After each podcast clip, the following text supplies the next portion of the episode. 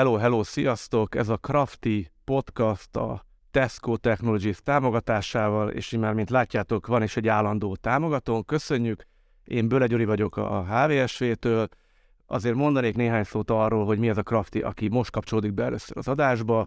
A Crafty a HVSV-nek gyakorlatilag az IT munkavállalása és IT karrierrel kapcsolatos gyűjtőmárkája. Ennek az adásnak a témája pedig ezúttal az IT piaci leépítések lesznek.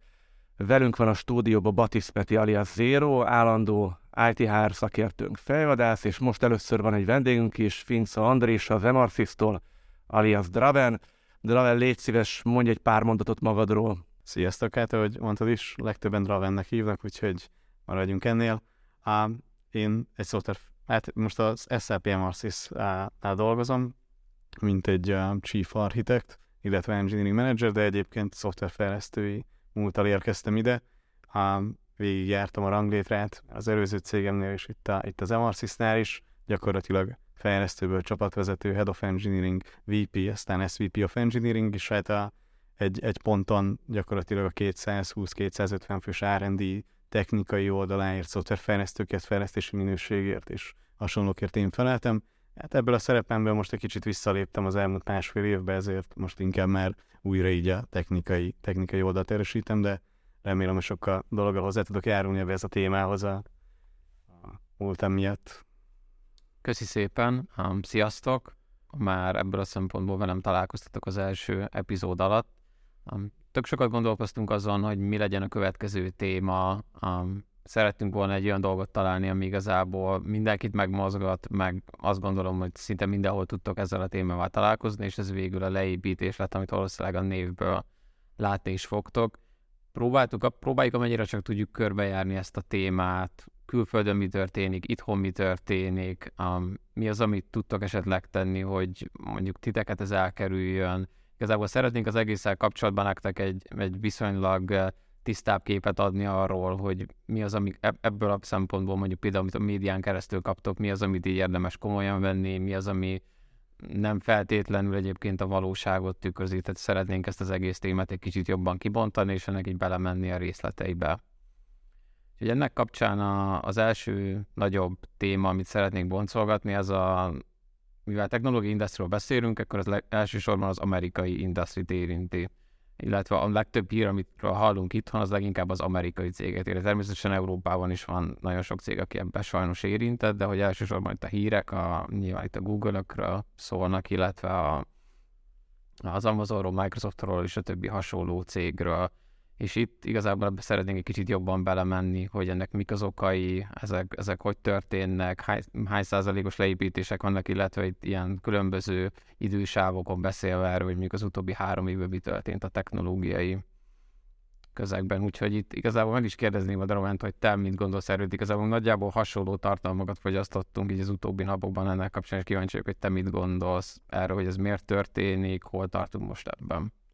Hát na- nagyon sok oka van annak, hogy, hogy ilyen leépítések történnek. A, sok különböző dolgot lehet olvasni. A, az egyik, ami, ami rendszeresen visszatér az, hogy ugye ilyen túl növekedtek a cégek, tehát hogy leginkább a Covid után ilyen, a, azt gondolták, hogy most, most van egy jó lehetőség, igazából egy kicsit me, megállt a piac, a, a, az emberek egy kicsit bizonytalanok is voltak, valamilyen leépítések, emberek megjelentek azért a munkaerőpiacon, és elkezdtek nagyon fölvenni, hogy ugye azt is van, hogyha recesszió van, vagy a gazdaság egy kicsit kevésbé működik, akkor, akkor az egy jó inkubátor arra, hogy, hogy, hogy egy nagyot dobbantsunk, és akkor nagyon elkezdtek növekedni. Most lesz potenciál, most, most ki fogunk jönni ebből, á, tudunk új termékeket fejleszteni, most tök jó á, lehetőségünk van arra, hogy, hogy, hogy bevonzunk nagyon jó fejlesztőket mondjuk közénk, és hát á, kitartott a válság, vagy, vagy csak elsúlyosbodott igazából ez Amerikában, és az a technológiai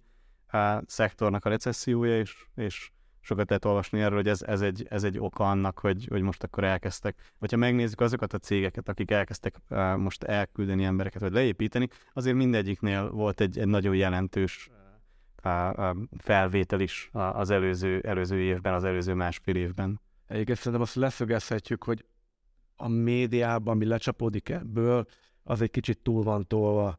mert azért, hogyha megnézzük, hogy mi történt, akkor ezek a cégek, akiknél leépítések vannak, mindenki látta Microsoft, a Facebookig, a Google-ig, stb. stb. stb.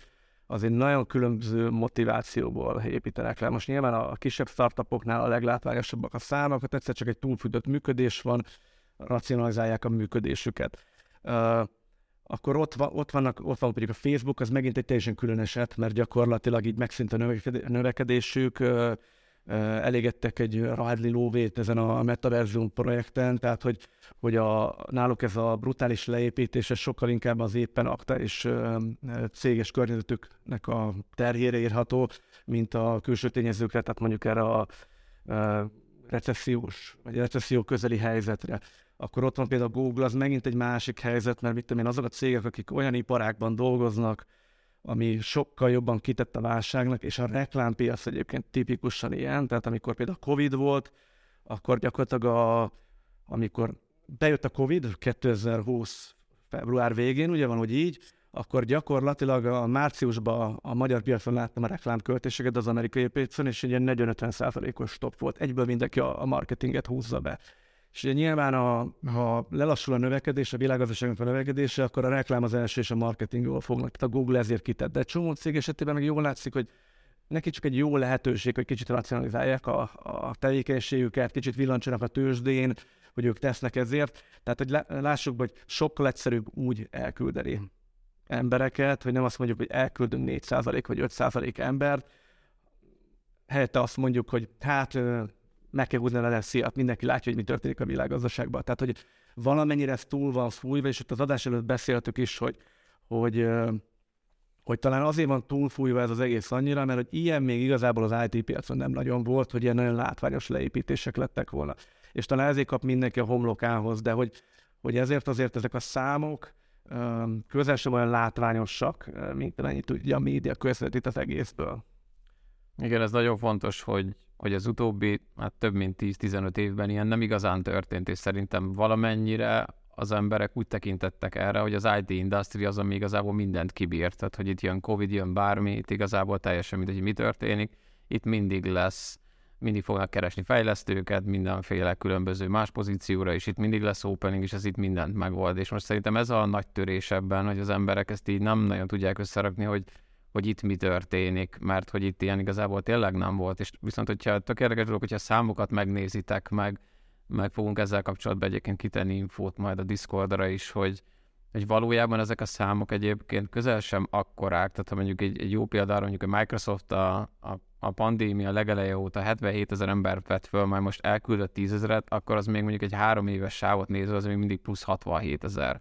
Tehát, hogy itt, amikor arról beszélünk, hogy itt mekkora problémák vannak, hát ekkora problémák, tehát azért ez nagyon nem összehasonlítható más különböző industrival, hogy mi történik versus a technológiai közegben. Úgyhogy ezt szerintem tök fontos kontextusba helyezni, hogy amikor ezeket a híreket mindenki látja, megolvassa, érdemes mögé nézni egyébként valójában a számoknak, meg hogy, meg hogy effektív egyébként ezek miért történnek.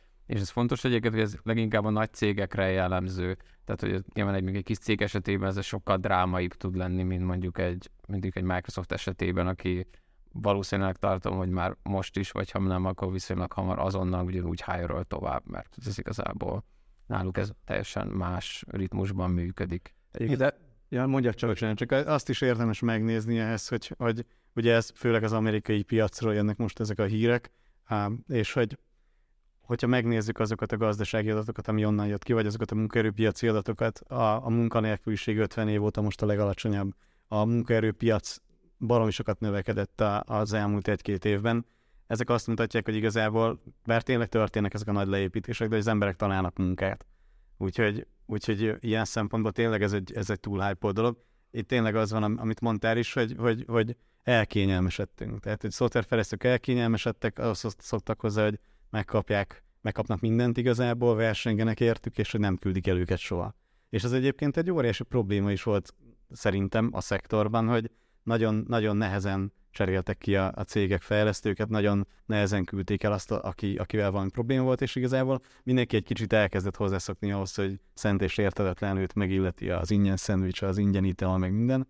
Most, most ebből a szempontból van egy nagy pofára esés, és tényleg az IT szektorban, vagy a tech szektorban dolgozók azok most szembesülnek vele, hogy lehetséges ilyen is, hogy, hogy adott esetben elküldik őket egy cégtől. Igen, de azért tegyük hozzá azt, hogy, hogy, hogy láttam egy ilyen diagramot arról, hogy akiket az USA-ban leépítettek, így mennyi idő alatt találtak újból munkát, és most így fejből nem emlékszem a számokra, de nagyjából az volt, hogy a, a nagy részük gyakorlatilag három hónapon belül munkába tudott állni. Tehát, hogy lehetett, lehet látni, hogy inkább csak arról van szó, hogy a, a rendszerbe túlnyomás lett, és így elengedte a gőzt, és így ö, ö, nyugvó állapotba került. Egyébként előbb reflektálni akartam arra, amit mondtál, hogy, hogy ö, hogy ahhoz képest, hogy a Covid óta mennyit vettek fel a cégek, mennyit bocsájtottak el, erre van egy jó pofa uh, grafikonunk, ezt majd a discord.hrse.hu meg, megosztjuk, mert ez egy nagyon beszédes ez a szám, amit az is mondott, hogy, hogy jól lehet látni, hogy igazából annak a növekménynek, ami az elmúlt három évben történt, így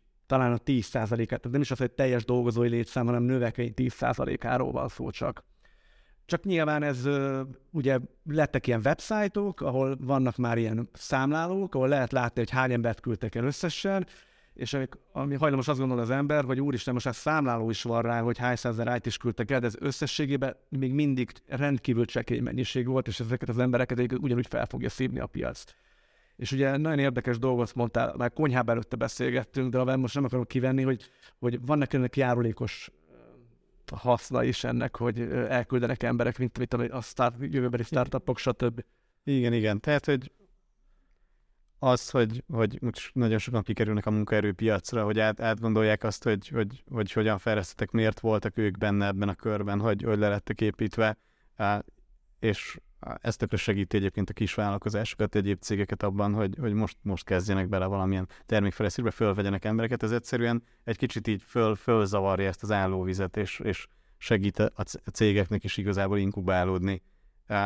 Ez megint csak igaz ugyanígy egy, egy recesszióra, de, de most erre a helyzetre is a létszemleépítésekkel, hogy ez bizonyos szempontból tudja segíteni a gazdaságot, tudja segíteni azt, hogy új ötletek, új, új dolgokat próbáljunk ki, és így tovább, és, és egyébként ennek, ennek is vannak mindenféle mutatói, de ugye a befektetési kedv függetlenül attól, hogy hogy áll most a tech szektor, igazából nem csökkent olyan jelentősen, tehát hogy, hogy ugyanúgy, ugyanúgy elkezdtek nőni. A startupok ugyanúgy nagyon sok ötlet kezd á, így szárba szökni, és hát ugye ezek a foglalkoztatási adatok is azt mutatják, hogy fölveszik a cégeket. Nem, és hát látjuk azt is, hogy nem a Facebook veszi föl a rengeteg embert, most nem a Microsoft, meg nem a, nem a, a Google, hanem hanem igazán a kis cégek. Sőt, rengetegen egyébként, amiről ugye nem nagyon lehet tudni és hallani, nem kimondottan tech szektorban dolgoznak, tehát mondjuk egészségügyi szektorban máshol, ahol nem szignifikáns, de mondjuk egy kisebb fejlesztő, fejlesztő csapat van, vagy pár fejlesztő csapat, 40-50 ember, akik egyébként nagyon nehezen találtak fejlesztőt maguknak, mert elvitték ezek a, ezek a nagy multik, meg a nagyon jó hírű tech cégek a, a, a munkaerőt, meg a fejlesztőket, ők most végre hozzáférnek ehhez, és hogy, föl, hogy elkezdtek tudni fölvenni fejlesztőket ebből a körből. Úgyhogy egy, egy, egy ilyen szempont is van itt, ami, ami segíti igazából a gazdaságot. Egyébként szerintem térjünk ki arra a témára, vagy egy kicsit én ingoványos talaj, hogy, hogy alapvetően így bármi leszögezzük, hogy nem a HR-esek, hanem az IT-sok oldalán állunk, de, de hogy azért mondjuk így a az átlag IT személyiségének is jót tud tenni egyébként egy adott esetben egy ilyen leépítéses pofon, mert ugye azt lehet látni, hogy, hogy mivel hogy a, az IT-sok ugye az utóbbi időben ilyen, ilyen szentelnek voltak, és semmifajta feedbacket nem kaptak, és sok esetben gyakorlatilag ez az ember személyiségéből a, sok esetben a legrosszabbat tudja kihozni egyébként, akár egy interjúm, akár egy, akár egy céges környezetbe, és nyilván ez, ez egy jó feedback tud lenni valakinek egyébként, hogy ő rajta van azon a listán. Hát egyébként itt, itt azért azt hozzá kell tenni, hogy amiket olvas, lehet olvasni a médiában, ezek a nagy leépítések nem, nem teljesen így működnek. Tehát sokszor ez nagyon magas szinten dől el, egy CFO jön elő a számokkal, ő dönti el, hogy, hogy ahhoz, hogy, hogy rendbe jöjjenek, hogy megtartsuk a növekedést, megtartsuk a, a, a pénzügyi stabilitást, és hogy a, hogy a befektetőknek is kedvezünk, ez, ez, ezeket kell tenni, headcountok, headcount leépítéshez kell folyamodni, és hogy el kell bocsátani ilyen embert, és hogy nem, nem lehet azt, hogy, a, hogy bevon, bevonjuk mondjuk az alacsonyabb szinten levő vezetőket, mert hirtelen nagyon sok, nagyon sok ember fog tudni erről az egészről. De, Ezért... de ez azt jelenti gyakorlatilag, hogy, hogy sok esetben nem is feltétlenül kvalitások szerint küldenek el, hanem egyszerűen így. Amikor, amikor ilyen nagy mennyiségű leépítésről van szó, akkor nem, nem teheti meg egy ekkora cég azt, hogy bevonja azokat a vezetőket, akik mondjuk a, a, a teljesítményt azt, azt, azt objektívebben meg tudják határozni egy-egy embernél. Ezért a, marad ez az információ a felső vezetőknél, nekik kell rámutatni arra, hogy kiket küldünk el, és hogy másfajta stratégiához kell folyamodni, ami nem, nem feltétlenül fogja az aktuális teljesítményt mutatni, hanem adott esetben különböző csapatokat szüntetnek meg, egy terméket szüntetnek meg, egy, egy, egy, egy rolt szüntetnek meg. Úgyhogy nekik inkább ilyen eszközkészletük van.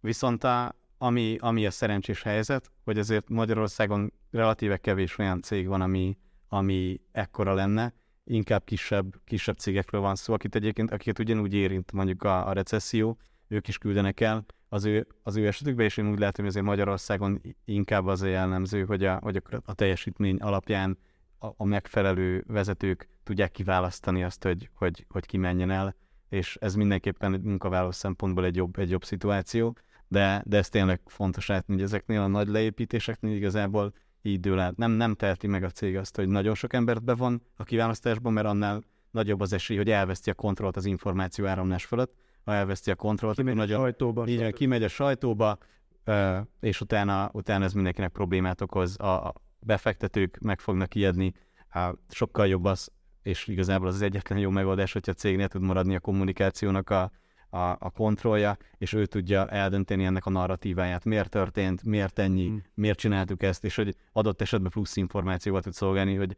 nem tudom, ezt, a te, ezt az üzletágat akarjuk bezárni, és így tovább.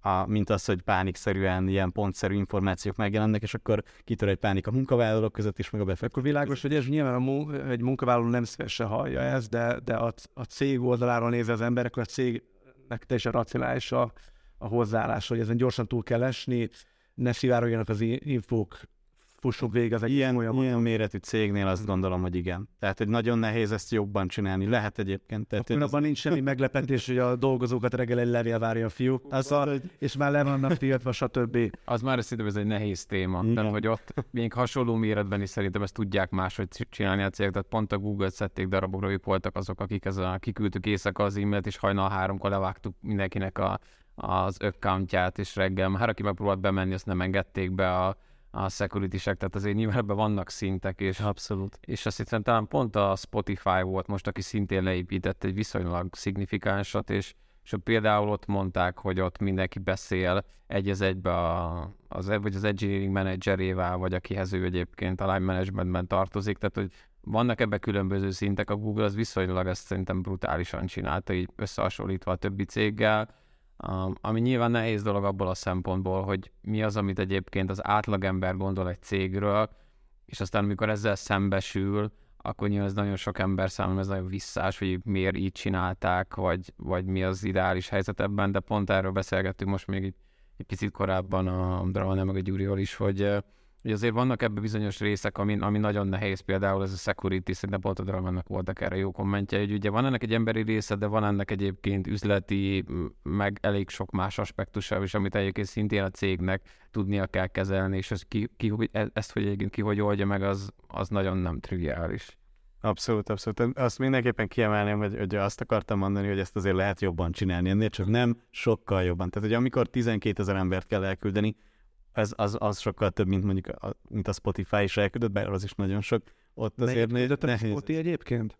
Most ezt fejből őszinte, pont nem tudom, de elolvastam egy napja, de már most pont nem emlékszem rá, de ott is, ott is szerintem 5-10% körül volt. De az nyilván maximum pár száz embert jelent az ő méretükbe feltétlenül. Nem, ennél szerintem több volt most előtte. 6 százalék van, itt van, 6 százalék volt.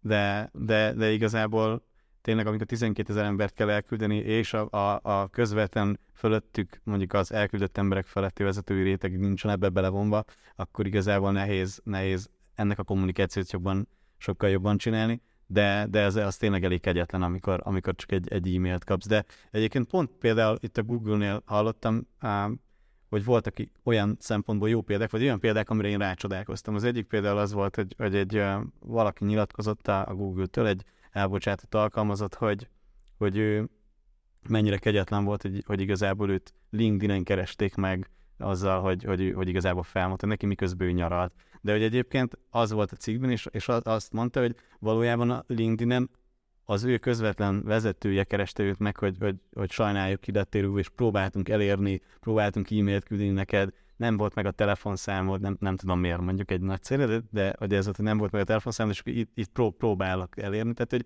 volt benne valamilyen személyes dolog. Tehát, mm. hogy, a, hogy azért nem gondolom, hogy ez egy általános lenne ott sem. Há, biztos, hogy vannak, vannak ilyen esetek is, próbálkoznak, de de baromi nehéz nagyon sok ember egyszerűen építeni. Az adott ország kultúrájától is, tehát az USA általában sokkal hidegebben csinálják.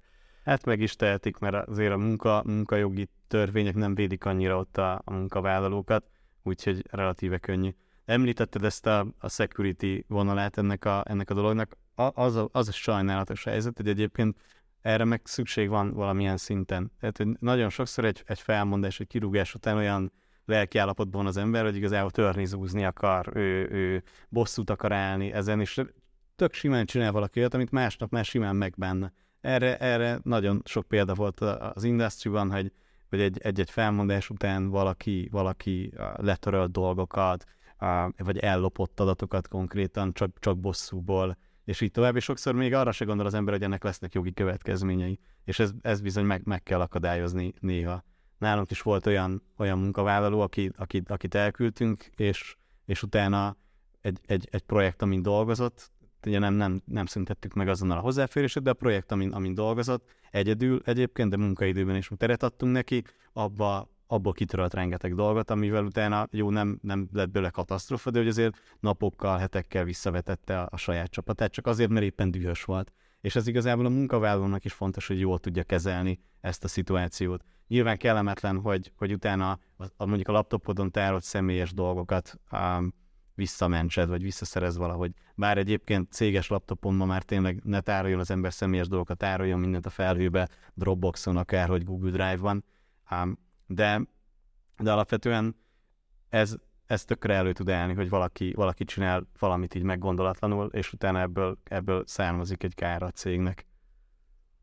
Na, kitérünk a, a magyar vonatkozására, mert nyilván ez nagyon sok embert uh, izgat, hogy, hogy ez a jelenség, ami most már egy-két hónapja, sőt talán több is megy mondjuk az Egyesült Államokba, és aztán Európába is, most már az Európába is, ugye tegnap pont lehetett hallani, hogy egy közismert, hát mondjuk ki az Ericssonnál egy komolyabb leépítés történt a, a svéd anyacégnél, és ugye ez az anyacégről beszélünk, tehát hogy konkrétan Svédországban történt, tehát hogy valamire az most kezdett átgyűrűzni ez a jelenség, és mindenkit érdekel az, hogy ez, ez, ez Magyarországon ennek milyen következményei lesznek. Ugye még a, a meetupon az egyszer talán ez a téma már így érintettük a, a, egy korábbi meetupon, és ott azért volt neked egy olyan mondásod, hogy, hogy a legtöbb ilyen jellegű folyamat, ami nyugaton történt, tehát leépítés, az Magyarországra a legtöbb esetben ellentétes előjelen jön be. Ez azt jelenti, hogy ez most is így fog történni? Um, ez jó kérdés. Igazából amikor utoljára ilyen történt, az nagyjából szerintem a 2020 elején, ez a, ez a pandémia legeleje, 2020, február, március, és igazából ott ez a három hónapos sávban történt meg ez, hogy akkor volt ez a, de mindenki behúzta a kéziféket, és ott elindult egy ilyen leépítési hullám, ez a klasszikus költségcsökkentés, hogy leépítünk San Franciscóba, és ha van irodák Budapesten, tök jó, akkor Budapesten azokat a headcountokat felhúzzuk, mert nyilván ez egy egyértelmű a spórolás a cégnek, és, és egyből a szempontból ez inkább egy boost volt a magyar piacnak. Ez ugye ez egy ilyen nagyon ellentétes dolog, hogy a, ja, ezt így nehéz kimondani, de hogy a magyar piac alapvetően egy olcsó piacnak számít, ilyen forintunk sem feltétlenül a legerősebb valuta a világon. Ergo, egyébként. Ergo itt építeni engineering irodát, az általában ez egy nagyon jó üzlet a cégeknek, és amikor, amikor meg kell húzni a nadrágszíjat, akkor egy nagyon jó dolog ebbe az országba hozni a headcountot, mert hogy itt nagyon, nagyon jó fel tudod venni egyébként azokat az engineereket, amikre szükséged van, lehet, hogy nem a legideálisabb, hogy a HQ-ba vannak, ez egyértelműen van valamekkora hátrány, de hogy amikor, pont amit a Gyuri is említett, hogy amikor a, a C szinten valaki kiadja, hogy vágni kell, akkor vágni kell, és nem azzal fog senki, eh, nem, nem úgy fog senki sem beleállni ebbe a történetbe, hogy miért máshol, más szájtól lesznek, és hogy majd a, a time zone különbségek, meg a kommunikáció mekkora probléma hanem hogyha vágni kell, akkor vágni kell. És erre ez egy nagyon jó megoldás, hogy az olcsó piacok, piacok felé fordulsz. És ebben Magyarország egyébként nagyon jól tud működni. És 2020 ellen is pontosan így nézett ki, hogy amikor behúzták a kéziféket a cégek US-ben, meg ott leépítettek egyébként elég sok embert, Magyarországon párhuzamosan azonnal megjelentek a headcountok. Tehát ez igazából ez egy ilyen fura helyzet, hogy mi ebből nagyon sok esetben inkább jobban szoktunk kijönni, mint rosszabbul. Azt gondolom, hogy szerintem ez most is így fog történni. Tehát, hogy a magyarországi piacnak a helyzete nem változott, mi nem lettünk egy, egy technológiai nagyhatalom Európán belül, meg, meg igazából még mindig nagyon-nagyon jó áron lehet egyébként itt egy elég jó engineering tudást behúzni ezen a piacon keresztül, úgyhogy én azt gondolom, hogy ez még itt, meg itthon nagyon kicsi az esély, hogy ennek effektív egyébként nagyobb látszata legyen. Voltak leépítések, mi is átbeszéltük az összes leépítést, amiről mi hallottunk itthon, most nem szeretném a cégeket én sem nevesíteni. Most is történik ilyen, eddig is történt, meg valószínűleg fog is történni, de az, hogy ez ténylegesen a piacon látszani lehessen, vagy legyen az, hogy valaki föláll egy bármilyen háttérrel, és ő mondjuk nem talál munkát egy-két hónapig, ennek nagyon kis az esélye, hogy megtörténjen pont emiatt a gazdasági hatás miatt, hogy a költségcsökkentés idejében már pedig most egyértelműen ez van, tehát hogy minden szinten próbálnak a cégek költséget csökkenteni, erre egy nagyon jó megoldás, hogy egy olcsó piac felé fordulsz, és ez a magyar piac. Egyébként annyit lehet is látni itthon, hogy, hogy egyelőre itthon inkább az ilyen startup jellegű cégeknél van leépítés. Tehát, hogy azt nem hallott, hogy a mindenki által ismert több száz, de inkább több ezer embert foglalkoztató uh, IT cégeknél ez uh, begyűrűzött volna. Tehát amiket mi is hallottunk, ez kivétel nélkül gyakorlatilag egy kapta fára, ezek mindez a két-háromszáz fős startup jellegű cégek, ahol mit milyen számok vannak, 10-14 százalékokat lőtek ki az előző héten, meg nagyjából az elmúlt hetekben történt. Igen, volt egy 20 százalék. Egyelőre e- erre a szektorra korlátozódik ez a dolog, amit tulajdonképpen betudhatunk annak is, hogy kicsit egy ilyen túlfütött működésből átmentek egy költséghatékony működésbe. Tehát, hogy piaci indikátornak, vagy pi, nem, piaci indikátorként nem tekintenék ezekre a startupos leépítésekre a magyar piacon. Ennek talán Peti, te tudod a legjobban elmondani ezt, hogy amikor van egy ilyen nagy leépítés, akkor mi történik? Gyakorlatilag, mint a sakál, a többi cég így ráugrik azokra az emberekre, akik, akik el lettek küldve, tehát ilyen, ilyen már történt persze itt Magyarországon, nekünk is volt hogy meg, megneszeltük, hogy valahol leépítés van, és akkor elmentünk, megkerestük a, az ott dolgozókat, akiket tudtunk, hogy el fognak menni, mert tudtuk, hogy nagyon jók, másokból, gazdaságokból küldik most éppen az emberek nagy részét, és gyakorlatilag versenyeztünk több cég rajtuk. Volt olyan, aki... A példa a Skysender volt, hogy amikor bevárták a magyar irodát, gyakorlatilag azt hiszem, a, a, a, a mennyien mentek át a Shaperhez? Nem tudom, 18 ember egyből ment át oda egyébként, és láttam is egy tározatot a LinkedIn-en, hogy a csapat nagyjából hova távozott, és Igen, ez gyakorlatilag hát, csapat egy az egyben. Csapat, igen. igen. Igen, ebből a szempontból nagyon pici a piac, és nagyon hamar körbe mennek ezek a hírek, és hogyha egy ilyen megtörténik, akkor, akkor eleve már az ajánlások nagyon hamar elindulnak. Tehát ez tök fontos, hogy itthon is úgy működik szerintem ebből a szempontból, hogy bárhol máshol ez a fajta munkakeresés, hogy, hogy ezen az informális hálón keresztül mennek az emberek, és ajánlásokon keresztül nagyon hamar végigmennek a piacon, hogy hol mi történt, ki merre szeretne menni, és szerintem nagyon gyorsan felszívja a cég ezt a fajta kompetenciát. Mondjuk ez fontos szerintem, hogy a, hogy a kompetenciák között is van különbség. Tehát, hogyha az, hogy valaki mondjuk engineer, és mondjuk engineering tracken van, az szerintem nagyon más, mint hogyha valaki mondjuk egy startupban mondjuk operation hez köthető rólban dolgozott. Tehát hogy szerintem itt, mm, itt ezt valamennyire meg kell különböztetni, hogy más az, hogyha valaki tesztelő, más az, hogyha fejlesztő, meg más az, hogy mondjuk produktos vagy szélszes, mert mondjuk egy teljes startupot nézünk, akkor az, az nem csak engineerekből áll, és mondjuk lehet, hogy vannak olyan részei szerintem ennek az egyenletnek, ahol mondjuk nehezebb munkát találni, meg nem azonnal fognak felszívni, de ha csak a mérnököket nézzünk, ott nagyon ritkán van ebből probléma, vagy hát inkább nincs. De egyébként ez például, amikor fejvadászként, mondjuk most is fejvadászként dolgozol, többek között, de egyébként ez jellemző, az, hogy így, amit te is mondtál, hogy így megneszelitek, hogy, hogy valahol, Persze. és már repültök is. Ez, ez igazából szerintem ez... Tehát, hogy az általunk ismert, most nem nevesítettük őket, cégek, ahonnan 10-11 százalék embert, azokra valószínűleg akkor repültek egyébként. Abszolút. Ez mindenhol így van, tehát a cégek is ugyanúgy, hogyha megtudják, hogy ilyen van, akkor azonnal rámelek. Mondjuk ez fontos dolog, hogy a Draven beszélt erről, hogy ez hogy ez nagy, nagy scale-ben ez máshogy működik, mint mondjuk kis cégeknél ez, hogy milyen alapon küldesz el embereket. Tehát azért az egy nagyon fontos dolog, hogy amikor Magyarországon van mondjuk egy 100 fős céged, és nem, nem egy, óri, nem egy nem tudom, 50 ezer fős céged van, akkor itt ezt meg tudod csinálni, hogy egyenként végigmész a neveken, és, és már, és nyilván nem, nem feltétlenül azokat fogod elküldeni, akik a high performerek a cégedből, meg nem azokat el, fogod elküldeni, akik extrém szinten komitáltak, és onnan akarnak nyugdíjba menni, hanem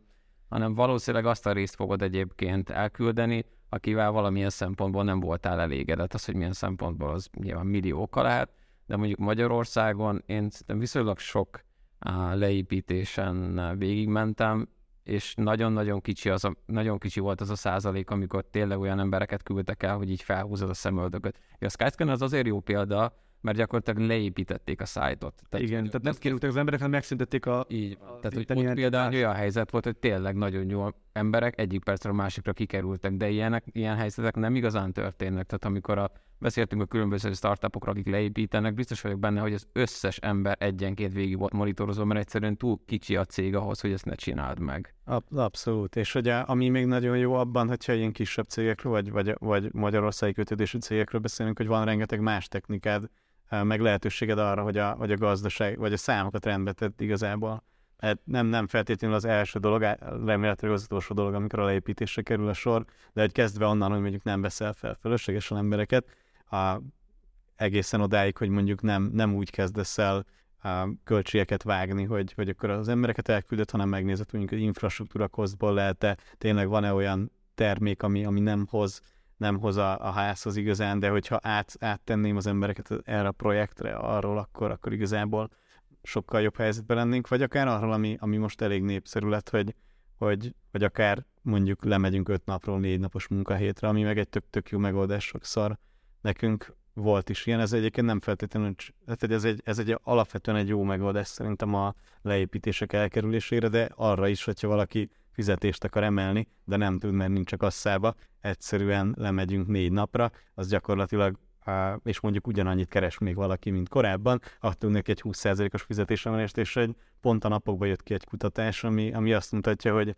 hogy a, produktivitás valójában nem csökkent a négy napos munkával sem, Há, sőt, még nőtt valamennyit, ez persze ki tudja, hogy ez egy ideiglenes dolog-e vagy sem, de hogy értem. Legalábbis azok a cégek, akik ezt pilotolják, hogy itt van a Telekom, ők azt kommunikálják, hogy rendkívül elégedettek vele, de, de nyilván ebben van egy kommunikációs...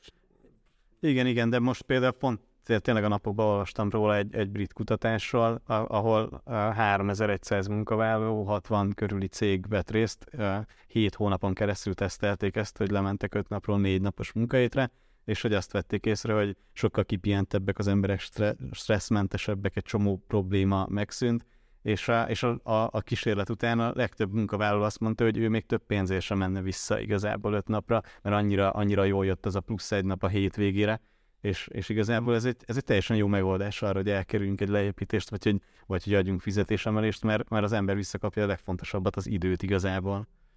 Jó, de, de egyébként az, hogy oda jutott a beszélgetésünk, hogy azért ez még olyan komoly, mint amennyire a médiából, meg innen a hírekből átszűrődik, azért, azért mondjuk el, hogy, hogy azért lesznek itt Magyarországon is leépítések, tehát hogy tehát még vannak is. Még vannak is, és ugye, ugye a, a héten, most szintén nem nevesítem, ugye egy, egy nagyobb méretű, nem startup jellegű cégről terjed az a plegyka, hogy, hogy, hogy a magyar entitáshoz is meg fog érkezni a, a leépítés, és ugye ez már nem a startup jellegű történet, de összességében a, a konklúziók akkor annyi, alapvetően az, hogy, hogy ezen nem kell megijedni, mert alapvetően így a, a magyar piac a, az ára miatt viszonylag kedvező helyzetben van, meg alapvetően az is, hogy iszonyatosan túlkereslet van. Ezért gyakorlatilag gond nélkül el fog tudni helyezkedni az, aki, aki esetleg erre a sorsa jut. Ezzel most nem akarok senkit nyugtatni, hogy fel a fejjel, de mert, mert Abszolút, tehát hogy mi éveken keresztül azzal küzdöttünk, hogy megfelelő embereket találjunk, és hogy ez, ez máig nem változott. Tehát, hogy ez mindenkinek egyébként egy lehetőség is, hogyha most a teljesítménye, vagy nem a teljesítménye miatt hagyott, hagyott el egy céget, vagy, vagy lett elküldve egy cégtől, egy picit újra gondolja a dolgokat, esetleg tanuljon még valamit, változtasson, és úgy menjen a következő céghez tisztalappal, és úgy próbáljon á, hát alkalmazkodni a helyzethez. Itt volt még egy ilyen érdekes vonat annak, hogy hogy ugye beszéltünk az elején arról, hogy ahol ilyen nagyon nagy számú embert bocsájtanak el, ezen a tengeren túlon, vagy nyilván ez egy személytelen folyamat, megvan, hogy mennyit kell vágni, és annyit vágnak. És ugye jött az a vonulata, hogy mivel Magyarországon alapvetően kisebb cégméret van, kisebb közösségek vannak, sok kis cég van, ezért sokkal inkább, sokkal kevésbé személytelen a, a, az elbocsátás, hogyha lesz, ami azt jelenti, hogy, hogy sokkal inkább számítanak a kvalitása, kvalitásait És most ez az Zérohoz címzem direkt, hogy, hogy alapvetően mit tehet azért egy munkavállaló, hogy adott esetben, amikor egy ilyen történik a cégnél, akkor ne legyen rajta az ő neve azon a listán? Ez egy nagyon jó téma, nekem ez egy személyes fájdalompontom, uh, ugyanis az, az évek alatt, pláne itt egyébként az ilyen 18-19 környékén tetőzött, hogy nagyon sok olyan interjún vettem részt, ahol a túloldal viszonylag egyértelmű, hogy fejlesztékről beszélünk, viszonylag egyértelműen jelezte, hogy őt, hogy őt elküldték, vagy közös megegyezéssel eljött egy adott munkahelyről, és hogy igazából őt annyira nem feltétlenül érdekelte ennek az oka, vagy mondjuk egy feedback sem volt annyira releváns, mert úgy volt vele, hogy pontosan egy hét alatt lesz három offerje, ami így is történt, nyilván azonnal elhelyezkedett, és hogy ez egy viszonylag egyértelmű trend volt, ami megfigyelhető volt egyébként, tényleg itt ez a peaken, az a 2020 előtt, hogy, hogy ez a fajta személyiségfejlődés teljes mértékben gátolja ez a piaci trend. Tehát azáltal, hogy kétségbe volt a casual cég, és tényleg minden cég kétségbe volt esve annak kapcsán, hogy, hogy mennyi headcountot kell betölteni ezt, hogy fogják megoldani, és ennek megfelelően kialakult egy olyan légkör, hogy gyakorlatilag nagyon-nagyon kemény dolgokat kellett azért tenned, hogy téged effektív elküldjenek egy cégtől. Tehát, hogy nem mertek konk- konkrétan feedbackeket adni egyébként a fejlesztőknek, nem, nem mertek tényleges visszajelzést adni a teljesítményükre, a viselkedésükre vonatkozóan, és ebből lett egy olyan trend, hogy gyakorlatilag a személyiségfejlődésüket egyértelműen gátolta ez a fajta piaci helyzet.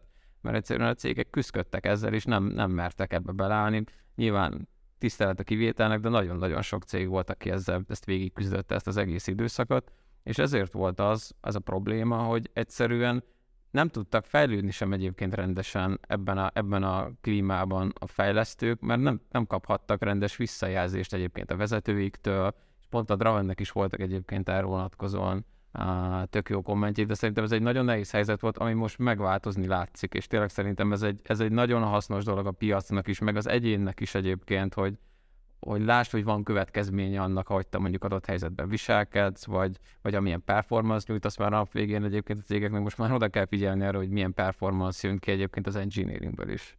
Az az érdekes, hogy én úgy érzem, hogy nem, egy, nem nincs egy óriási nagy pályafutásom így években mérve, 10-10x év lehet, hogy már van 20 is, nem tudom, de most így 30 évesen tököregnek érzem magam ebben, mert el tudom mondani, hogy amikor mi elkezdtük, akkor, mind, akkor igazából nem annyira érdekelt minket a pénz, meg azt, hogy tök jó céghez megyünk dolgozni, hanem, hanem igazából a szakma érdekelt. Tehát, hogy felcsillant a szemem bizonyos technológiákra, ezt akartam használni, bizonyos fajta szoftvert akartam fejleszteni, mindig játékfejlesztő akartam lenni nagyon sokáig, és így tovább és, és egy csomót tanultam, egy csomót beletettem, és nem volt kérdés az, hogy, hogy nem a munkahelyen akarok tanulni, hanem otthon, meg hétvégén még toltam. Most nyilván meg is tettem, mert 20 éves voltam, mondjuk egy egyetemista még, vagy egyetem után, és, és nagyon sok ilyen emberrel találkoztam. És valahogy az elmúlt években, mondjuk 5-6-7 évben azt láttam, hogy, a, hogy azért a fiatalok, az egyetemisták, akikkel akár meetupokon, akár másot találkoztam, mint hogyha ez így elveszett volna, mindenki inkább elkezdte azt, amit, amit mi egy ilyen kicsit ilyen, ilyen művészetként éltünk meg, hogy tényleg valami szuper jót akartunk alkotni, valami igényeset, átalakult egy ilyen munkává, hogy bemegyek, megcsinálom, hazamegyek. És hogy ez, ez, én ezt nem találom egy nagyon jó trendnek, mindazonáltal persze tökre fontos egy ilyen jó work-life balance, de hogy úgy érzem, hogy nagyon sokan ezt jól tudtuk menedzselni akkor is, és azóta is, és hogy, hogy én, hogyha egy ilyen döntés előtt állnék, hogy ki az, akit megtartsak a cégben, hogyha le kell építeni, akkor tényleg azt keresném, hogy, hogy ki az, akinek csillog a szeme, ki az, aki érdekel, ki az, aki beleteszi. Nem mondom azt, hogy munkaidő után, vagy hétvégén most tanuljam, mert most vezetőként, hogy várhatom ezt el, nyilván kifizetjük, de hogy, hogy a, vagy a, a munkaidőért fizetünk, de hogy, hogy, hogy azért látszik az emberen, amikor így érdeklődi, amikor beleteszi, amikor megvan az ownership, amikor, amikor próbál fejlődni ő ebben, és hogy, hogy megpróbálja megoldani a problémákat magától, nem próbál hárítani, vagy, vagy mindig kifogásokat keresni, hanem, hanem azt nézi, hogy hogyan lehet megoldani az egyes dolgokat. És ez, a, és ez kezd annyira ritkává válni, hogy ez, hogyha most ezt valaki jól csinálja, akkor igazából, és, és egy olyan leépítés van, ami teljesítmény alap, akkor nem fogják elküldeni. De ez azt jelenti egyébként, hogy erősen mozg- a piacot nagyon erősen a fizetés mozgatja egyébként? Tehát, hogy a motiváció között? Hát most saj, sajnos ez extrém szinten dominál, ami szerintem egy viszonylag szomorú helyzet, de ahogy beütött ez a 2020-as pandémia plusz háború, meg minden egyéb történet, meg nyilván ennek egy gazdasági hatása is, ez törvényszerű volt, hogy az fog előjönni, hogy, hogy az embereknél iszonyatosan fontos lesz a fizetés, és messze kiemelkedik, és ez régen ez nagyon nem így volt. Tehát az mondjuk a 2015-től mondjuk a 2000, 2020-as sávot nézzük, ott, ott is megvolt a fizetés, de nem volt az, ami most, hogy mindent ledominál az, hogy te effektív mennyi pénzt keresel. Tehát, hogy ott is megvolt, hogy ha mondjuk te egy engineer vagy, mondjuk legyen UX-es, vagy bármilyen más doménben dolgozol, fontos volt, hogy ott legyen egy bizonyos összeg az asztalon, ami mondjuk a tapasztalatodnak megfelelő, de nem ez vitt el minden. Nem az volt, hogy ez az egy, és aztán utána meg beszélgetettünk esetleg a többi dologról, de mondjuk a pénz nem stimmel, akkor én biztos, hogy nem hallgatom tovább a beszélgetést.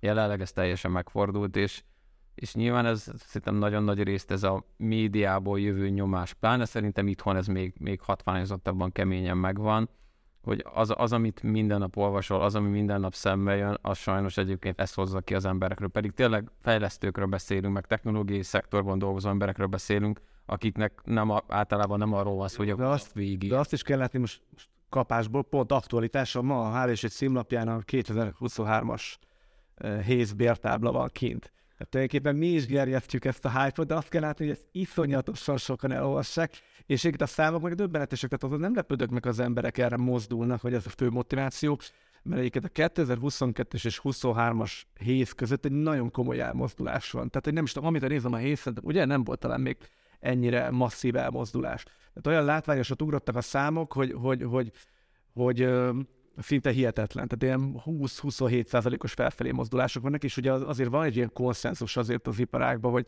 hogy a, ezt korábban beszéltük róla, hogy a hésznek a számai azért, ha Budapestet nézzük, akkor azért elég jó viszonyban vannak a valósággal. Egyébként a hészes cikket majd a discord.hvs-en is megosztjuk, hogyha valakit érdekel.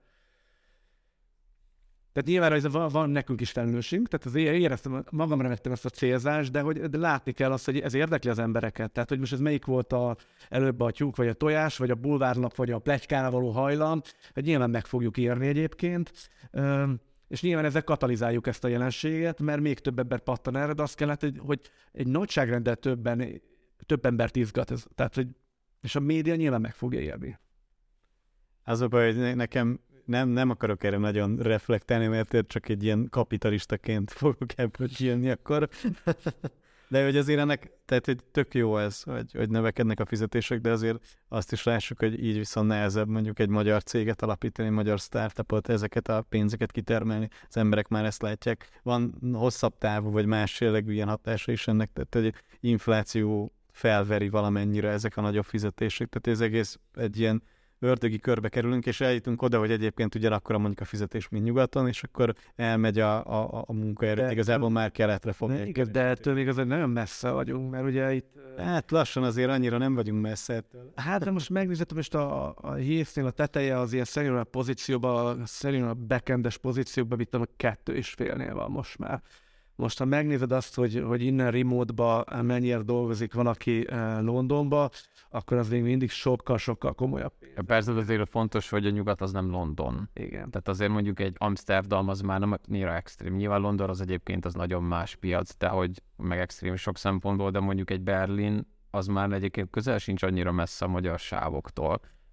Vagy például ugyanígy egy Amsterdam, nyilván magasabb, de mondjuk ha megnézed, hogy mondjuk ott ott, ha mondjuk oda költözöl, ott esetben milyen költségeid vannak, akkor nagyobb esetben jobban megéri Magyarországon élni, mint kint. De ha csak ebből indulunk ki, akkor igazából ez is egy jó hír, mert hogyha elbocsátanak, valószínűleg nagyobb fizetésért tudsz elmenni a következő munkahelyre, nem? ez Akár ezt is kiolvashatjuk ebből. Ezt is kiolvashatjuk belőle. Meg hát azt is, hogy, hogy most persze lehetne egy ilyen önmérséglet, hogy keveset írunk erről. Mert káros folyamatokat indít el a piacon, de most mennyivel jobb az, ha nem tudnak erről az IT-sek. Tehát ez olyan, mint hogy, hogy tartsunk, beszéljünk-e a külföldi távmunkás fizetésekről. Egyik oldalon ez egy fontos információ, hiszen rengeteg embert mozgat, ugye, és ezt most el is mondom, hogy március 8-án lesz a Crafty sorozatnak az első uh, meetupja, és ott pont a remote külföldi IT munkavállalásról fogunk beszélni. A másik oldal meg az van, hogy hát ez nem éppen egy ilyen patrióta dolog, hogy, hogy, hogy De tereljük a sajátjainkat külföldre, de valóságban meg nem, mert ezt a pénzt hazahozzák, itt fogják elkölteni, itt lesz belőle áfa bevétel. Egyébként azért érdemes csak így á, egy ilyen kis megjegyzésként nézni olyan benchmarkokat is, ahol ahol, tehát mondjuk más benchmarkokat is nem csak a Haze, tehát hogy azt nem tudom, tudjátok-e, hogy, hogy hogyan készül ez a benchmark, tehát hogy, hogy én, én nem tudom pontosan, de például tökre érdekelne, mert én azt hiszem, hogy nem úgy készül, hogy a cégeknél az átlagfizetéseket nézik meg. Nem, hát nehéz dolog, a Héz sem nyilatkozik egyébként A héz, pontosan erről. hát a héztek van a végén egy ilyen kis egy szakasz, ahol nagyjából elmondják, hogy hát ez, ez nyilván a, a, ez nem reprezentatív, de a héz ügyfeleire, most ezt el is mondták azt, hogy 2000 IT munkavállaló adataiból, az utóbbi elhelyezett IT munkavállaló adataiból hozták ki ezeket a számokat, és nyilván ez nagyon Budapest központú ez a dolog, és kétségtelen nem reprezentatív, De meg én- aztán ezt csak azért mondom, mert érdemes hozzátenni, megnézni, mert hogy azért elég nagy különbségek vannak a különböző benchmarkok között is. És á, tehát ilyen, ilyen esetben azért, azért ez fontos hozzátenni, mert Én- hogy azért lenne ez jó valahol, valahol tényleg pontosabban látni, mert akkor csökken annak a rizikója, hogy ez, ez felveri jobban a, az, az Ugye ez nehéz sok szempontból, mert ugye Héznél, Héznél is ugye nagyon nagy rész valószínűleg azt határozza meg a benchmarkot, hogy ők kikkel dolgoznak együtt, és nagyon nem mindegy, hogy mondjuk azt nézed, hogy technológiai szektor, a technológiai szektor az, az nem csak a top X cégből áll, aki mondjuk nem tudom, az X bank, meg az X menő startup, aki nagyon sok pénzt tud fizetni, már pedig ezek a csártok egyébként, ha az átlagokat nézed, ebből valószínűleg nagyon nagy része mondjuk a technológiai szektornak kiesik. Például mondjuk vannak azok a szektorok, akik például a jelenleg egyébként mondjuk a magyar infrastruktúrába szállítanak.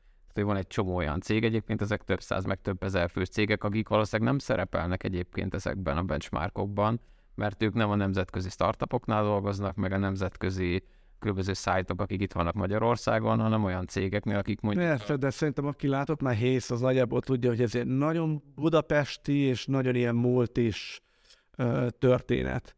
Ö, a valóság valahol alatta van, de nem olyan sokkal van alatta. De egyébként erről eszembe jut egy másik dolog is, hogy kicsit visszakanyarodjunk ide a lej... A leépítés, Igen, ezt, hogy Pillanat. maradjunk itt a boldog, perceknél.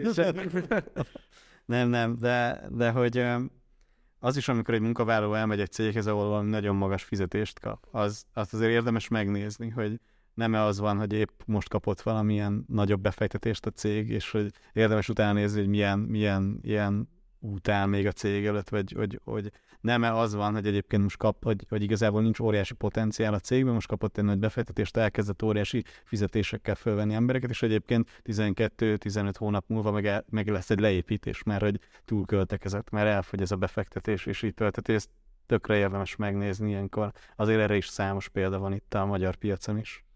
Hát én nem tudom, például most ugye nem, szándékosan nem nevesítettük azokat a magyar startupokat, akik 10-14-15 százaléknyi munkerőt küldtek el az utóbbi hetekben. De például tu- tudjuk azt, csak itt mi név nélkül beszélünk, így anonimizáljuk őket, hogy ezek a cégek egyébként milyen bevételtermelő képességgel rendelkeznek. Mert ugye a startup és startup között is nagyon nagy különbség van. Van, aki gyakorlatilag már egy egészen korai stációban tud pénzt termelni, van, aki meg elmegy egy egészen egy, egy ipóig, úgyhogy nyomtatja a, a veszteséget. Hát ebbe viszonylag nehéz egyébként kívülről belelátni. Tehát vannak olyan cégek, akik mondjuk adott esetben nagyobb arányban a befektetésből élnek, azok általában jelenleg a problémás helyzetek, amikor nem tud igazából egy cég befektetések nélkül fennmaradni. Az, egy, az jelenleg az a problémás helyzet, tehát hogy ott, ott általában ez történik, de ugyanakkor az is lehet, mint egyébként van olyan cég a mostani helyzetben, aki egyébként anyagi szempontból tök jó áll, csak egyszerűen akkora volt, hogy ezt nem, nem lehetett fenntartani. Tehát olyan, olyan mennyiségű skálázódtak az utóbbi három évben, hogy ez, ez nem volt fenntartató. Tehát ez, ez általában nagyon sok esetben mondjuk a startupokat nézünk, ez úgy működik, hogy a startupokban vannak befektetők, és általában ezek a döntések nagy arányban befektetőktől jönnek. Tehát, hogy nagyon kicsi, az, kicsi annak az aránya, amikor kitalálja itthon egy, egy founder, hogy most akkor el kéne küldeni embereket, mert azért hanem ezek általában egyébként felülről jönnek, meg a befektetési oldalról jönnek, ahol látják, hogy a, nem ideálisak feltétlenül a csártok, és akkor lépni kell, és akkor nincs választásod. De akkor most egy konklúziót akarunk ö, húzni erre a beszélgetésre, akkor, akkor mondhatjuk azt, hogy, hogy ö, egy túl hype helyzet van, mert hogy ilyen még nem történt, hogy az IT-ben egy komolyabb érezhető leépítés lenne, de hogy ennek a magyar piacra gyakorolt hatása, az vagy semmi, vagy inkább lehet, hogy pozitív lesz egyébként. De minden esetben semmiképpen nem fog tragédia történni. Kicsit azért azt érzem, hogy ilyen nagyon uh, szép köntösbe csomagoltuk a leépítéseket, mert azért ez tényleg egy szomorú dolog, meg, meg emberekre tök, tök rossz hatással van ez, tehát ezért ez, ez nagyon fontos, de hogy összességében azért azért én úgy gondolom, amit mondtál, tehát hogy, hogy ennek lehetnek, lehetnek jó vonatkozásai, akár személyesen is, tehát egy, egy váltás hát bizonyos embereknek bizonyos helyzetekben jó, hogy nem tudta meghozni ezt a döntést, hogyha az ő teljesítmény problémáit. Lehet, hogy, hogy egyébként egy másik cégnél, egy másik környezetben száguldani fog, vagy szárnyalni fog, hát csak nem tudta meghozni ezt a döntést, és most mondjuk egy kisebb cégnél pont a teljesítmény miatt elküldik, átgondolja a dolgot, tehát hogy, hogy, hogy ez, ez tud segítség lenni. Ugyanúgy, ahogy beszéltünk róla, hogy, hogy más cégeknek, akár más szektoroknak az, hogy fel tudnak venni most fejlesztőket, akik kikerültek a piacra. Jó lenne megnézni a magyar statisztikákat, egyébként így munkanélküliség meg a munkaerőpiacról, nem láttam ilyeneket, de hogyha az amerikai követjük, akkor igazából az látszik, hogy nem kell félnie egy fejlesztőnek ma, hogy nem talál munkát, és, és igazából ez tud egy jó opportunity is lenni egy helyzetben, mindazonáltal nyilván nem egy, nem egy boldog dolog. Igen, de azért akartam ezt a pozitív végkifejletet így a, a végére, mert ugye itt elhangzott a háttérbeszélgetésen a konyhába, hogy, hogy így eh, akár Zéro is, meg a fejvadász szakma is találkozik most ez a jelensége, hogy nehéz mozdítani mondjuk az embereket, mert van egy eredető szorongás, hogy ez így Magyarországra is át fog gyűrűzni. Tehát ugye te mondtad, hogy ez érezhető most, hogy nehezebb mozdítani az embereket, hogy mindenki kicsit jobban kapaszkodik a székébe. Igen, ez megvan. Ugyanakkor azt szerintem ez tök fontos, amit pont a Draven is említett, hogy ez pont az a piac, ahol sokkal nagyobb hatásod van arra, hogy ez veled a nap végén megtörténik, vagy sem. Mert hogy itt nem igazán vannak akkora multik, nyilván a Google-nek is van egyébként Magyarországon szállítja még viszonylag pici, de hogy Magyarországon az uh, Magyarországon tényleg megvan az, hogy, hogy valószínűleg mögé néznek egyébként a teljesítménynek, annak, hogy valaki a adott esetben egyébként hogy kommunikál, hogy viselkedik. Tehát ez tök fontos, hogy szerintem ez is egy valamennyire szerintem pozitív része ennek a dolognak, hogy itt tényleg van kihatása annak, hogy ha még bár megtörténik, már pedig valószínűleg itthon is lesznek még leépítések, tehát kicsi az esély, ez nem történik meg, de hogy mondjuk az adott embernek a neve az ne szerepeljen, ne szerepeljen listán, ezért tud tenni, ami szerintem ez egy nagyon fontos része. Én, én azt is kiemelném egyébként, hogy aki, aki végül ez a sajnálatos dolog történik, hogy egy ilyen leépítés része, hogy elküldik egy cégtől, hogy, hogy nyilván ez, ez egy ilyen tök rossz dolog, az ember fölhúzza magát, dühös lesz adott esetben,